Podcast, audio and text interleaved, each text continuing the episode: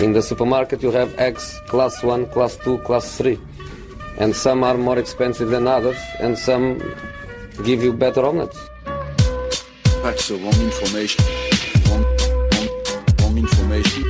I didn't say that. That's the wrong information. Do you think I'm an idiot?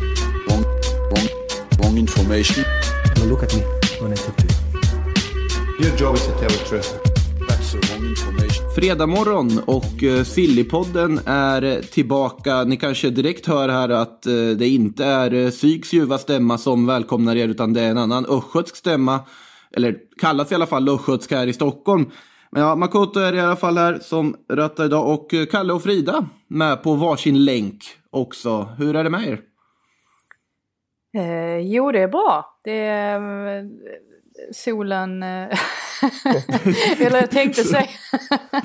jag tänkte säga någonting om vädret igen. Men jag inleder varenda podd med att nämna vädret. Nej, det är ändå- jag avstår. Ja, jag tycker det är ändå fint att få en väderuppdatering där.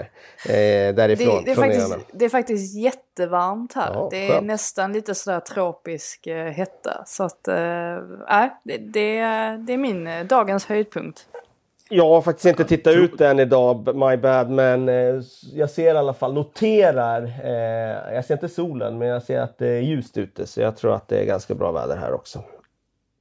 Ja, ljust ute är det här också, får jag säga. Eh, Det är väl bara jag som sitter i Stockholm, insåg jag precis. Det stämmer. Eh, Men eh, ja, fint väder i alla fall och eh, hur, även om det är varmt, tropisk hetta alltså i London, hur Bundesliga hett är det måste man också fråga.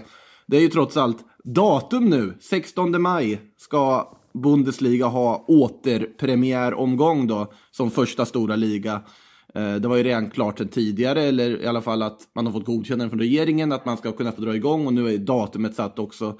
Ruhrderby, Dortmund-Schalke redan där första speldagen. Eh, ja, kommer ni bänka er 16 maj för Bundesliga fotboll? Man har frågat till att börja med. Ja, det kommer jag nog att göra om jag har möjlighet att se den matchen om vi inte krockar med egen fotboll. Det mm, bubblar ju en abstinens nu från, jag tror, ganska stor del av världens fotbollsfans efter att se matcher. Så att eh, nu får man ju ta det man får. Och om eh, Bundesliga sparkar igång före alla andra och det sen så har jag väldigt svårt att tro att man inte kommer vara så på tårna då så att man tittar på det som erbjuds. Men dessutom ett Ruhrderby så är det ju bara bonus. Det känns ju på något sätt ändå blandade känslor att det, nu är det ju naturligtvis så att det måste spelas utan publik men att ändå ett Ruhrderby spelas utan publik känns på något sätt vemodigt samtidigt. Även om man förstår varför såklart.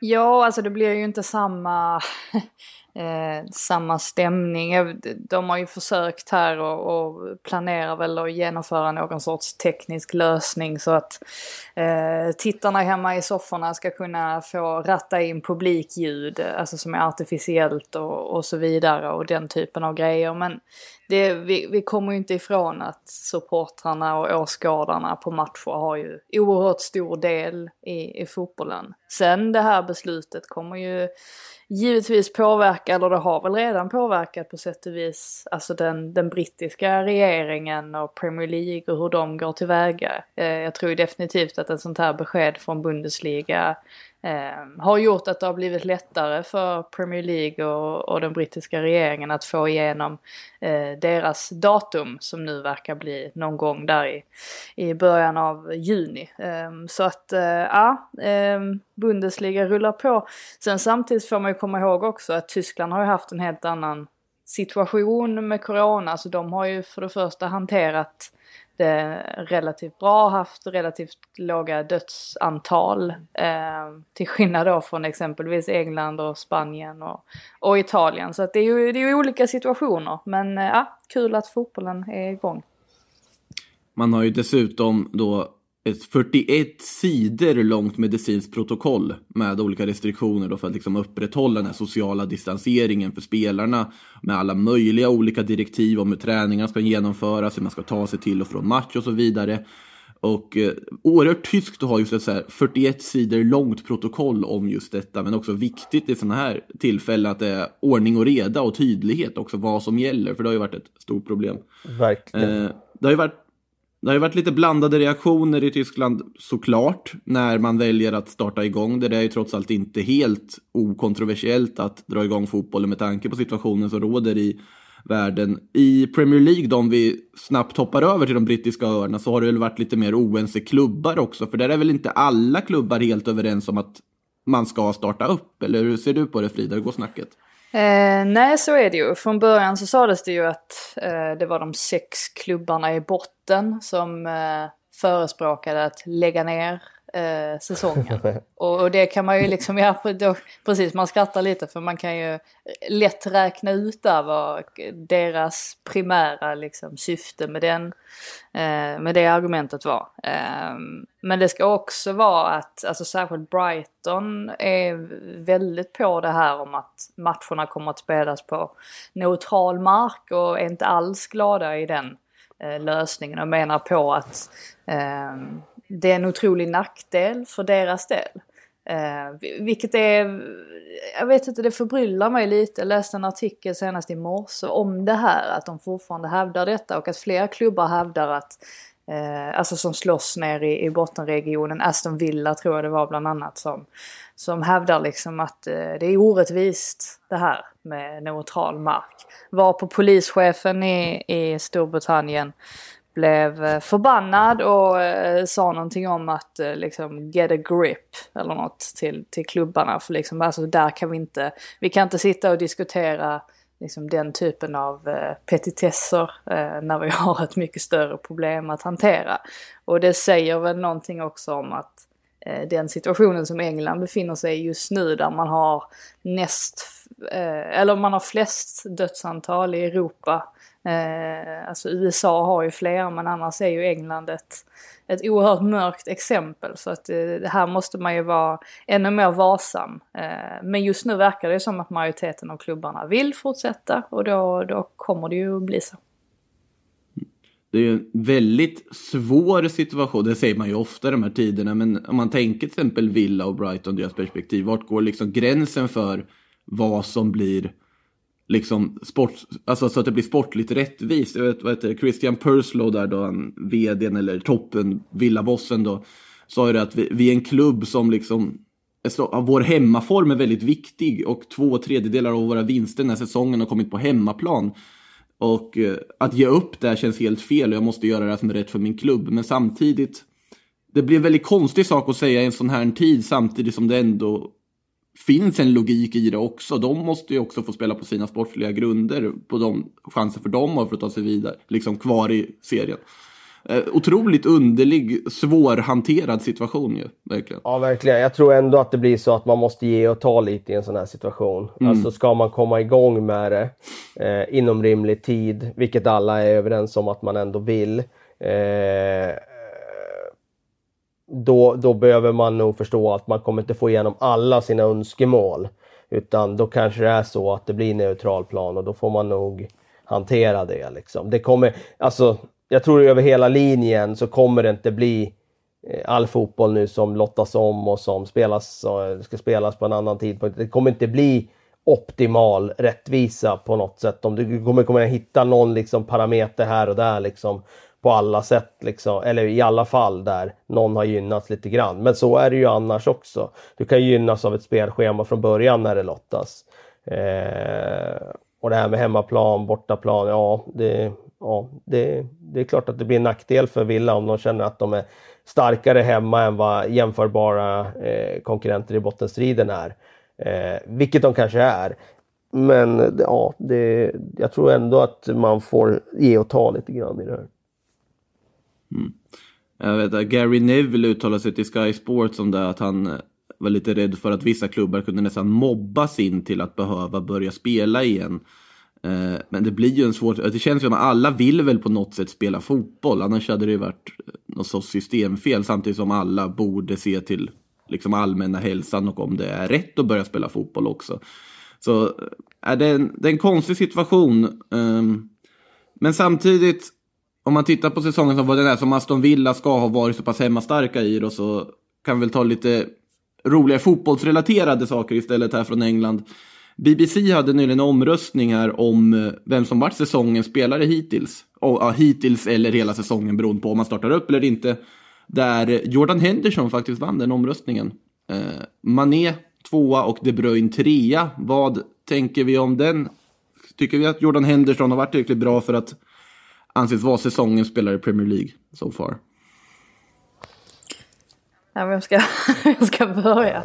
Eh, eh, alltså jag hade ju inte utsett Jordan Henderson till säsongens bästa spelare. Det, det kan jag ju säga direkt. Men med det sagt så håller jag ju såklart honom där uppe bland de främsta. Um, i, I mitt tycke så har väl De Bruyne varit Eh, Eh, absolut bäst och jag hade nog haft Sadio Mané som, som tvåa. Men det blir ju lite så här också när det är mm, supportrar eh, som, som röstar. Alltså då röstar man ju med, mm, lite mer med hjärtat och det finns ju ingen som kan ta ifrån Jordan Henderson det, det han har gjort och hur han har burit Liverpool under hela säsongen och definitivt då också lagt ner ett oerhört stort hjärta och det har ju framförallt märkts enormt mycket när han har saknats. Så att eh, mm, han har gjort en, eh, en fantastisk säsong men jag håller Kevin De Bruyne högre. Ja, det, är lite, det är ju lite engelskt-brittiskt att han eh, vinner en sån omröstning vill jag nog påstå ändå. Nu vet jag att det är fansen som har röstat i det här fallet när Scott Parker från West Ham blev vald till eh, årets spelare så var det ju fotbollsjournalisterna i England som, som röstade. Eh, jag säger som, eh, ja, nu har jag gjort en ranking eh, alldeles nyligen i dagarna faktiskt på de bästa spelarna under säsongen och där hade jag ju satt De Bruyne etta, Sadio Mané tvåa, van Dijk trea och Henderson fyra. Så ja, jag har ju redan liksom eh, med den rankingen sagt att nej, han har inte varit bäst. Han har varit med där uppe och han ska absolut vara nominerad men jag håller nog inte heller honom som den bästa. Det jag menar med att det är brittiskt är ju att fotbollskulturen där gillar ju en Jordan Henderson, en Scottie Parker typ. Och eh, han får mer uppskattning där än vad han hade fått i ett fotbollsland närmare Medelhavet. Med det sagt så, så har han gjort en fenomenal säsong. Han är eh, oerhört viktig för Liverpool. Men det jag tror också kanske att det blir lite påverkan. Han har ju varit otroligt bra i perioden nu de sista månaderna här och man går mycket i den där omröstningen på intrycket av de sista månaderna. Jag vet, tid, jag säger bara generellt, tidigare varit så spelare som har varit superbra i perioden eh, augusti till januari och så dippat två månader och så görs omröstningen i april. De vinner inte det priset.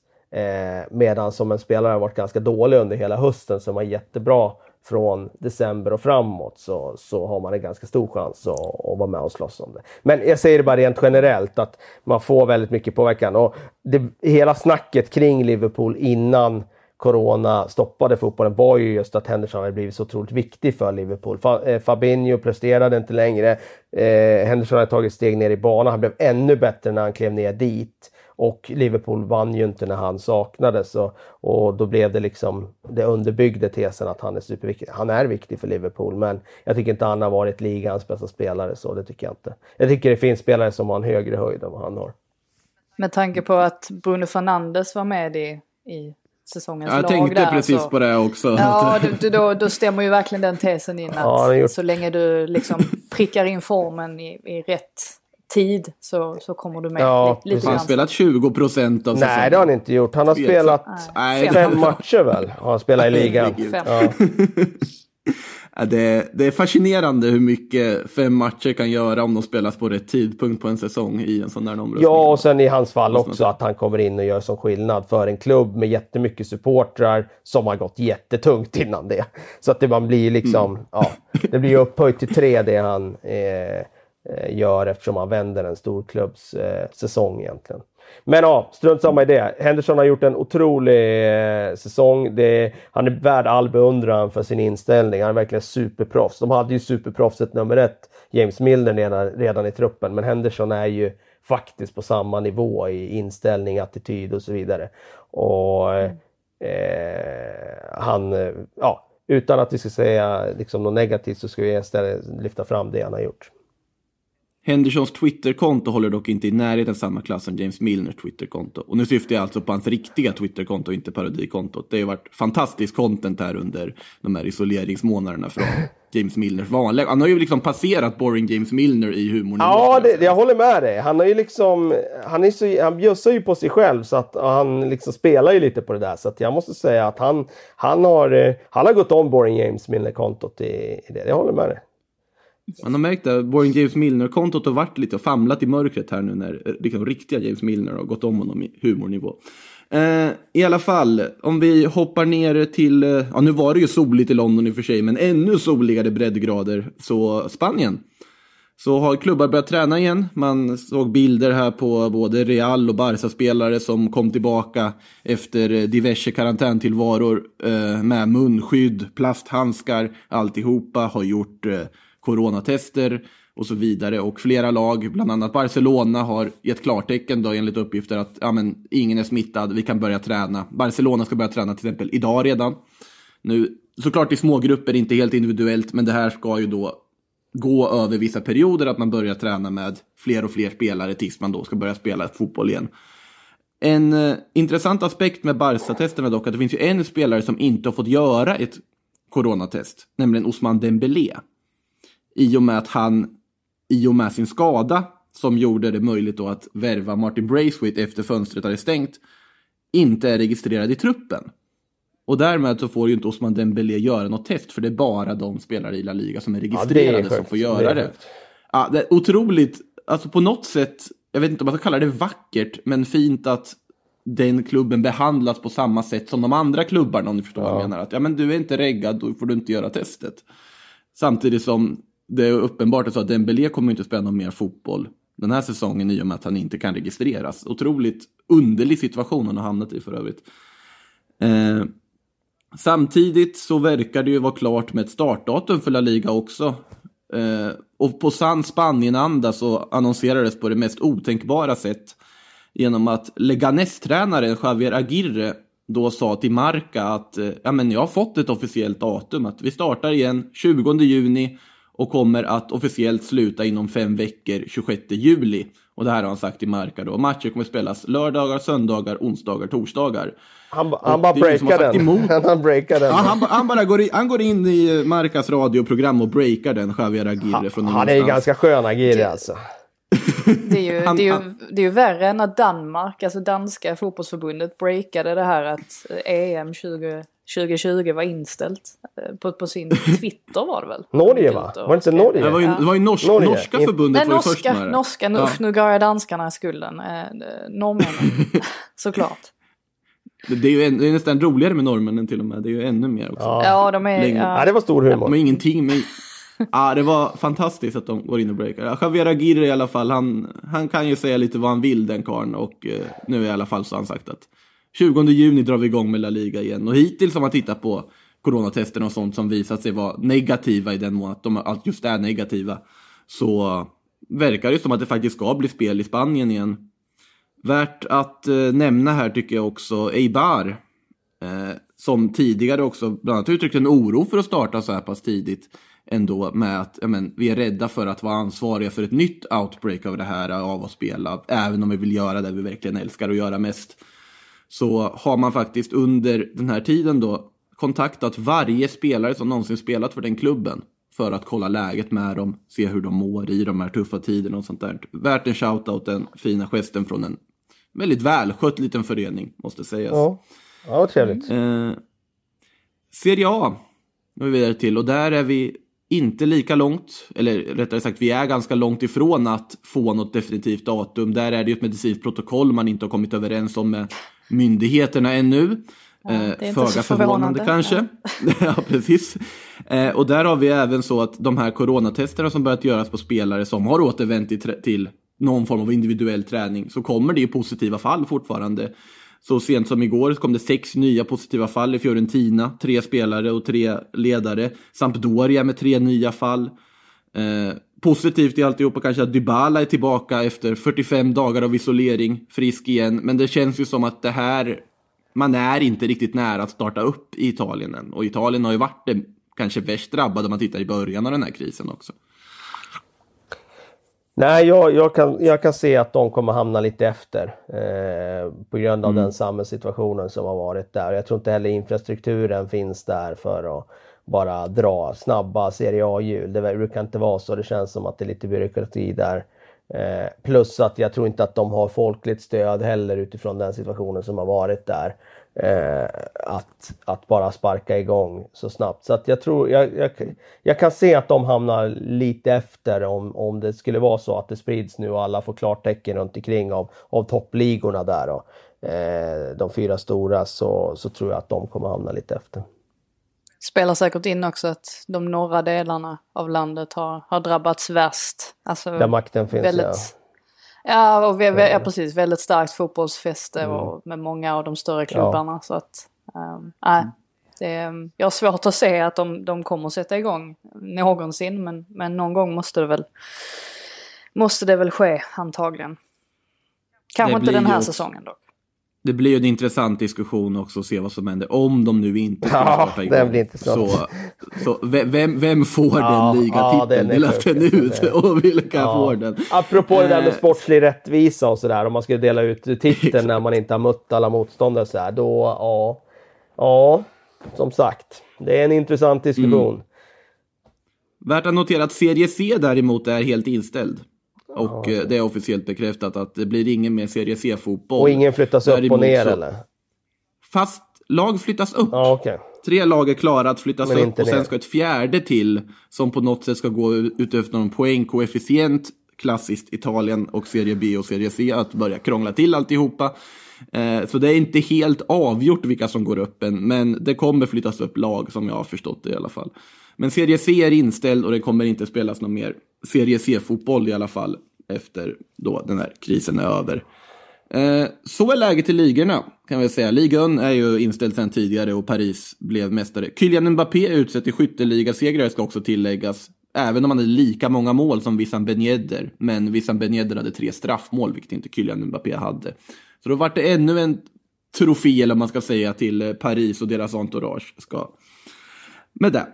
Eh, Silly kanske vi ska prata lite. Det är ju trots allt Silly-podden den här podden heter. Eh, sen får vi se hur mycket Silly det blir med tanke på läget med kontraktssituationer och alltihopa och olika saker som måste röra, styras upp. Men eh, Timo Werner eh, har ju kopplat samman väldigt mycket med Liverpool. Eh, har ju varit väldigt öppen med att han vill till Liverpool, hyllat Jürgen Klopp, hyllat Liverpool och så vidare och så vidare. Eh, enligt bild ska nu Chelsea och Manchester United ha blandat sig i leken genom- med ett första steg med att kontakta agenten helt enkelt i Timo Werner. Och då ställer jag ju frågan, kan vi se Chelsea United som potentiella utmanare till en Timo Werner-värvning i sommar?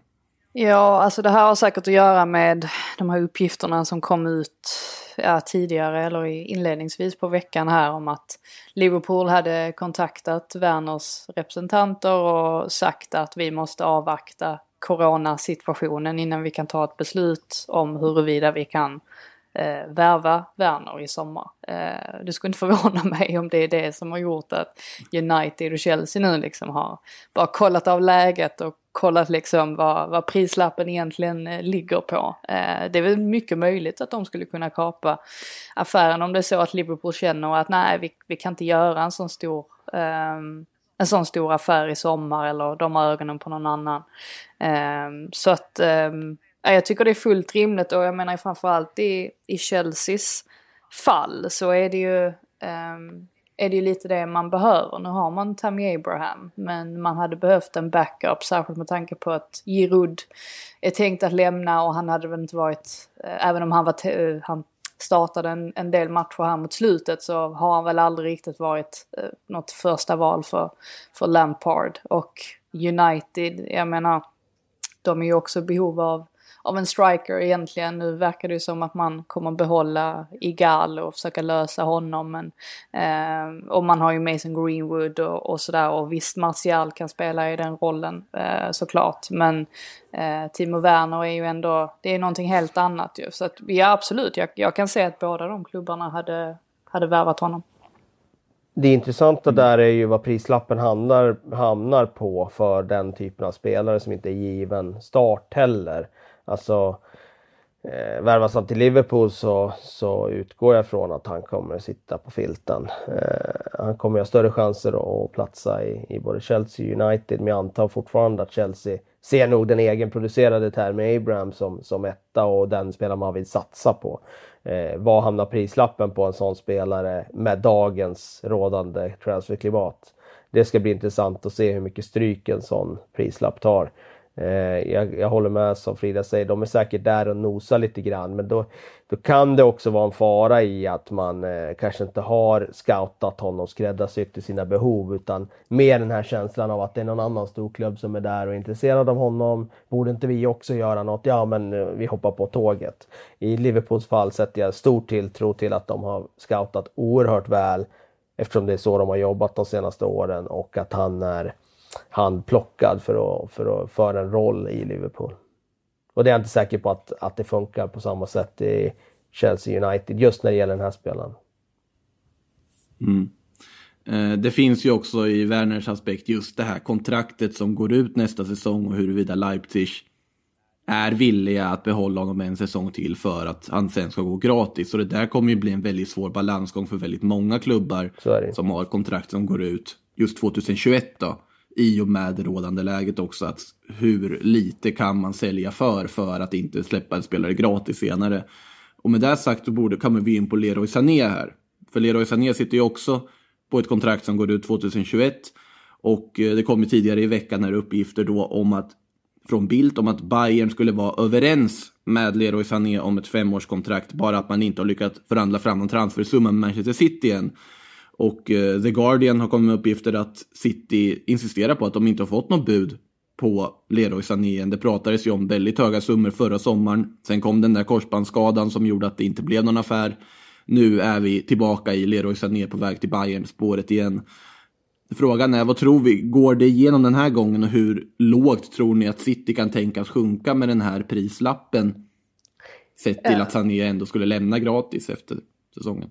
Ja, alltså vi, vi pratade en del i förra avsnittet om eh, Heinkes eh, utspel där om Sané där han hävdade att mm. Sané absolut inte är världsklass eh, än i alla fall. Um, och det är väl klart att mycket har ju hänt sedan han skadade sig där i augusti. Då var väl tanken att några dagar efter den matchen i Community Shield-finalen där så, så, skulle han lämna för Bayern. Och det är väl inte speciellt konstigt om en spelare som har haft en så pass svår skada, eh, alltså att prislappen sänks är ju ofrånkomligt. Eh, mm. Samtidigt så, så tror jag ju definitivt att det här är ju fortfarande en spelare som dels är är ung, eh, vi vet om vilken högsta eh, nivå eh, han kan ha. Eh, och visst, det har varit lite attitydsproblem där som både Guardiola och Jogi Löw har eh, haft problem med. Eh, I alla fall var, så, så har ju intrycket varit eh, för oss som liksom är på utsidan. Eh, men jag tror definitivt att han själv vill få igenom den här affären. Och beroende på hur han har skött sig nu under rehaben. Eh, ja, alltså hur han har skött sig. Alltså dels eh, kroppen och hur, hur han mår mentalt och sådär. Så, så tror jag nog att, att han vill se till att, att det händer. Eh, jag tror definitivt också att det är större chans nu med tanke på att eh, Bundesliga ändå rullar igång och det verkar ju som att det förmodligen är Bundesliga som kommer ha publik på sina matcher. Alltså från och med i, i höst och sådär. Så eh, jag att det är en attraktiv liga överlag. Um, så att, um, nej, jag, jag, jag räknar ju med att han försvinner helt enkelt. Mm. Jag var inne på det redan förra sommaren, att det känns som verkligen en sån här typ av värvning som skulle vara så otroligt bra för alla parter. Eh, Leroy Sané som får den här stjärnstatusen han behöver och inte riktigt fått det med City där roterat mycket. Ett Bayern München som är i behov av en ny, vad ska man säga, tysk frontfigur på något sätt. Leroy Sané är ju på något sätt personifierad det här nya tyska unga landslaget som inte spelar under samma ramar som man kanske kopplar tysk fotboll till tidigare från liksom historien. Eh, jag tror att eh, det, är en otroligt bra, rätt värvning på alla möjliga sätt för Bayern München att göra. Sen är frågan om man lyckas få City att sänka priset tillräckligt i de här tiderna för att lyckas få över en sån spelare. Och det är ju det vi får se. Ja, precis. Nej, jag, jag kan nog se att det här blir verklighet. De var ju överens i princip eh, med, med eller här spelaren var i- överens med Bayern tidigare. City vill inte släppa. Nu har ju dessutom Riyad Mahrez gjort en väldigt stark säsong i, i City. De står inte och faller på kanterna i och med att de har Sterling Silva. Eh, nej, jag, jag, kan, jag kan se att det här blir verklighet nu. Han har kört fast lite grann där också. Eh, redan före sin skada. Så att eh, vi kan nog, jag ska inte räk- räkna hem den, men det är mycket troligt att den blir av. Vad tror vi om Ben Chilwell då? Han ryktas ju bort från Leicester också här, vänsterbacken. Och det är ju Chelsea som kopplat samman med honom väldigt starkt. Eh, Jag tror inte det är någon som tvivlar på det genuina intresset att de har eh, liksom lagt in en offert där om att eh, honom vill vi ha. Men jag tror problemet är att Leicester kommer kräva väldigt mycket pengar. Det är en engelsman, det är en vänsterback. Det är inte jättelätt att hitta den typen av spelare. Eh, och det kan bli ett problem i det här fallet. att Förväntningarna på vad han ska kosta är väldigt, väldigt stora för Leicesters del som har varit duktiga på att sälja spelare tidigare. Och eh, Chelsea kommer inte vilja lägga så mycket pengar och så dessutom väger man in Corona och alla de där aspekterna. Så det kan nog spricka där. Eh, jag såg att de hade börjat titta på han Robin Goons, vad han heter, från Atalanta där. Eh, Robin Goons. han kopplas väl samman med Leicester också. Ja, precis. Men jag tror Chelsea har börjat titta på honom. Eh, istället då för, eh, läste i alla fall, eh, istället för eh, Ben Chilwell. Då. Så det blir väl, ja vi får se, det blir ett pussel som ska läggas där. Mm. Eh, någon vänsterback ska väl in sett till att eh, Marcos Alonso inte riktigt håller den nivån han gjorde tidigare och Emerson Palmieri känns inte som något långsiktigt alternativ på den positionen heller. Så, men eh, ja, Chilwell, vad tror vi att en prislapp skulle kunna sitta på honom då? Alltså med tanke på att Maguire såldes ju för ja, närmare miljarden. Hur, Ja, alltså nu är det nog extra svårt att spekulera i någonting Ja, det är i och för sig sant. att alla prislappar kommer liksom dala, eh, kan vi nog Ja. eh, tänka oss. Eh, men det är väl klart, alltså bara en sån grej att han är engelsman det, och att han kommer liksom från en konkurrent kommer ju, eh, gör ju liksom att, att priset eh, skjuter i höjden och jag är ju lite osäker med tanke på att alltså visst, eh, Ben Chilwell har varit eh, väldigt bra under, under stora delar av säsongen. Men han har också haft en del av säsongen nu där han inte har varit speciellt bra. Så att jag eh, vet inte riktigt om jag tycker att han är värd alltså hiskeliga summor. Eh, vad nu en hiskelig summa än är, det beror ju på vad alla andra säljs för. Eh, så att jag, jag hade nog eh, legat lite lågt om jag hade varit Chelsea faktiskt. Så Med det sagt så måste de ju ha in en vänsterback. Men jag tror nog att man eh, kan hitta någon annan eh, lite billigare. Ja, det är ju ett faktum att, att Ben Chilwell har överglänst av eh, en ytterback i hans eget lag. Eh, Ricardo Pereira till höger har ju hela säsongen visat att han är bättre i nästan alla delar av spelet. Så att eh, jag, jag håller med där om att eh, det, det, det är nog troligt att Chelsea har backat lite grann i den här och nu kommer det vara mycket rykten som agenterna planterar för att driva upp hans marknadsvärde igen och säga att det är andra klubbar som är där och rycker. Det kommer nog... Vi, vi får se här. Det skulle inte förvåna mig om det kommer något nytt rykte om Ben Chilwell inom kort från något annat topplag. Mm. Någon som eh, inte behöver agenter som trissar upp pris, det är Jadon Sancho i alla fall. Han kommer ju kosta hiskeligt mycket oavsett vilken situation han skulle byta klubb i och om han skulle byta klubb. Och det är väl det som gör att eh, Manchester United nu uppges vilja vänta en säsong i och med det här priset på Jadon Sancho som då kanske blir kvar en säsong till i Dortmund trots allt. Det känns väl som lite det enda alternativet sett till att man kanske inte har råd att betala de här miljardsummorna eller? Ah, jag, jag, jag, jag kan se att eh, de allra, allra bästa och mest attraktiva spelarna ändå kommer att, kommer att säljas för höga priser. Och då kan han vara en sån spelare där priset är mindre corona-påverkat än vad det blir för de här mellanspelarna. Eh, Men, men för jag tror att United är så desperata eh, om någon skulle få chansen att värva honom. Jag menar högersidan har varit ett problem i, i flera år nu. Och då får de chansen att sätta en pusselbit på plats där man säger okej, okay, närmsta tio åren kan vi ha den här spelaren. Eh, I alla fall tankemässigt så.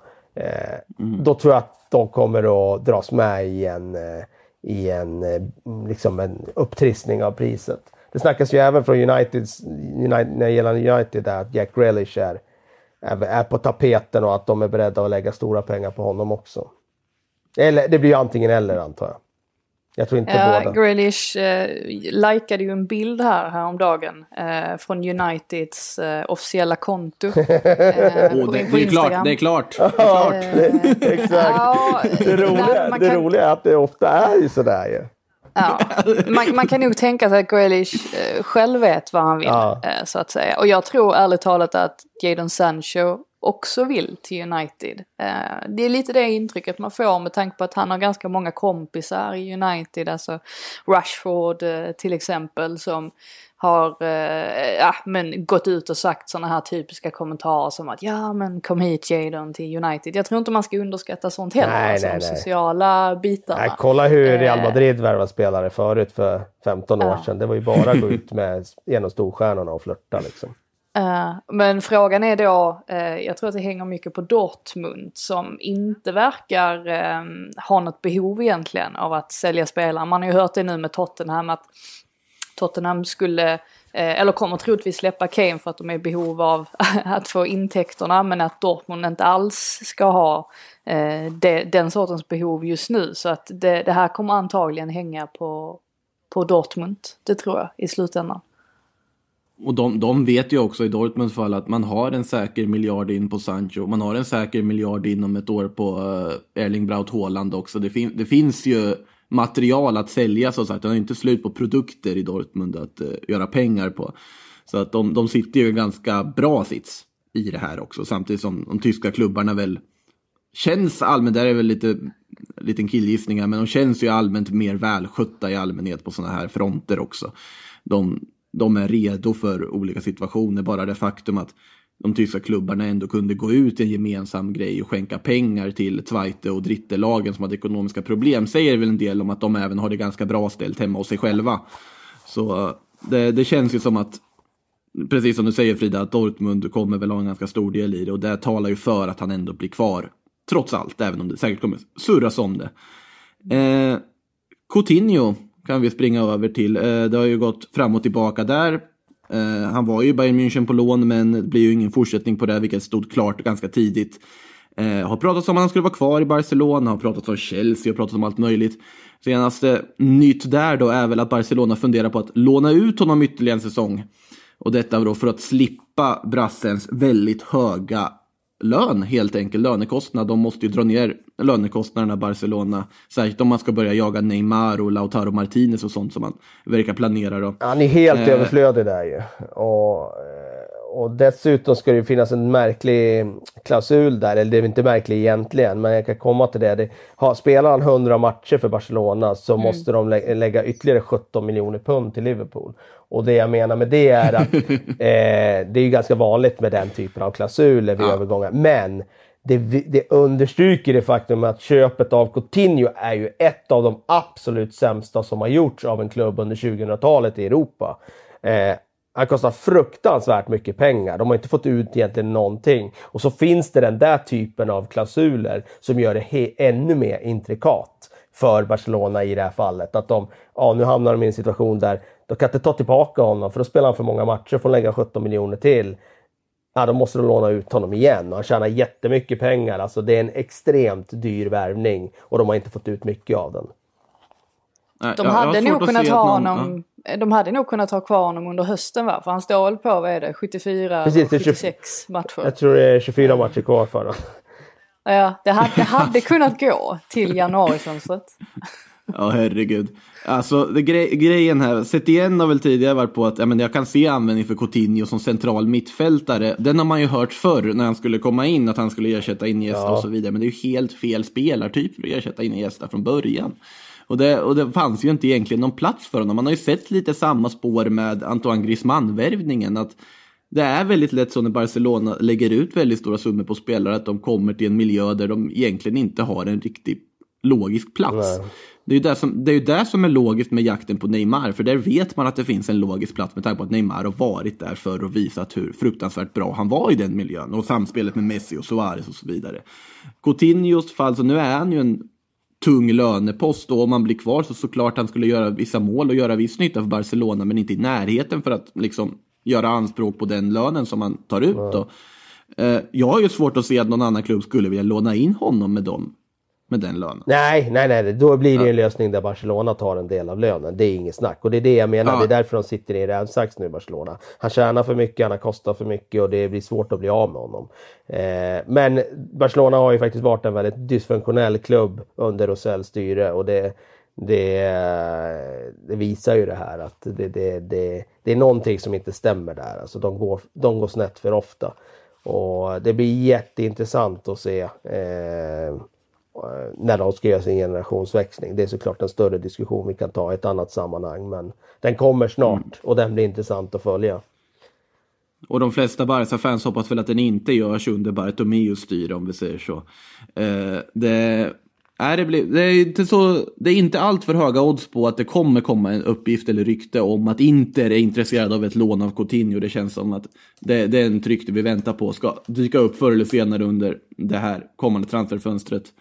Ja just det, jag sa Sandro läs- Rosell. Jag menar ju Bartomeu såklart.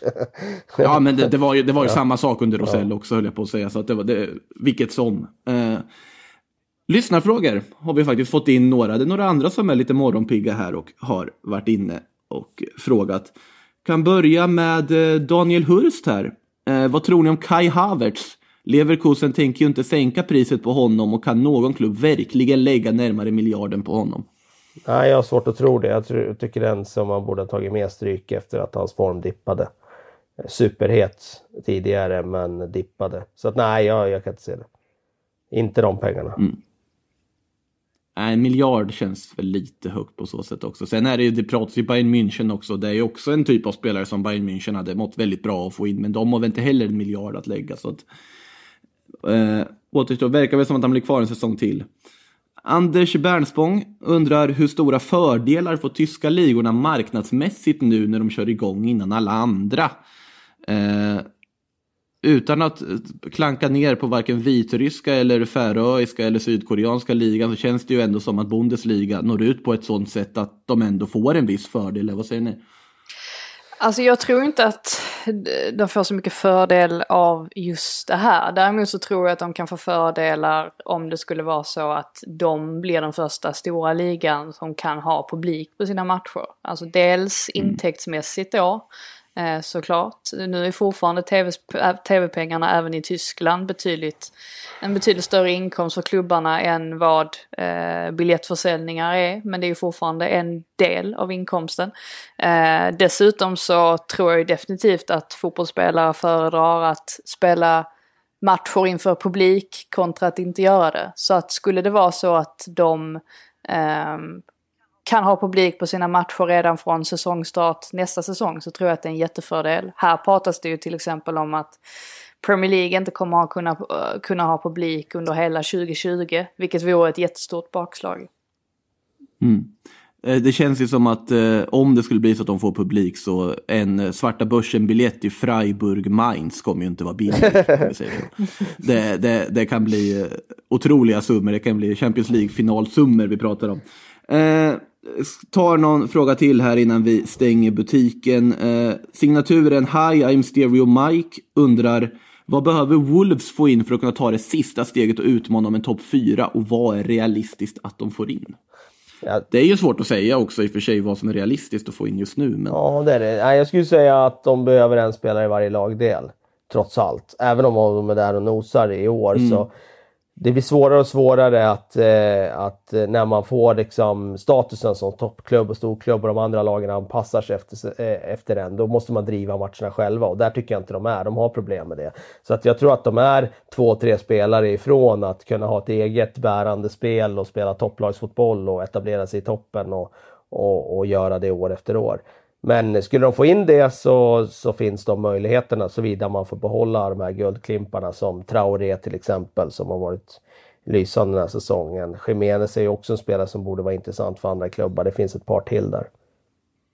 De har ju försökt tänka lite långsiktigt, alltså som exempelvis under januarifönstret när de värvade Luke Madison eh, till exempel som är en, en väldigt väldigt ung spelare, bara 17 år gammal. Han blev ju lite populär där när de mötte eh, Manchester United och han var liksom planens eh, bästa spelare. Ehm, så att det, det tänket det, så vittnar ju om att man eh, ja, alltså man har något form av långsiktigt tänk som man inte ska underskatta. Som man liksom ser till att knyta till sig den typen av talanger.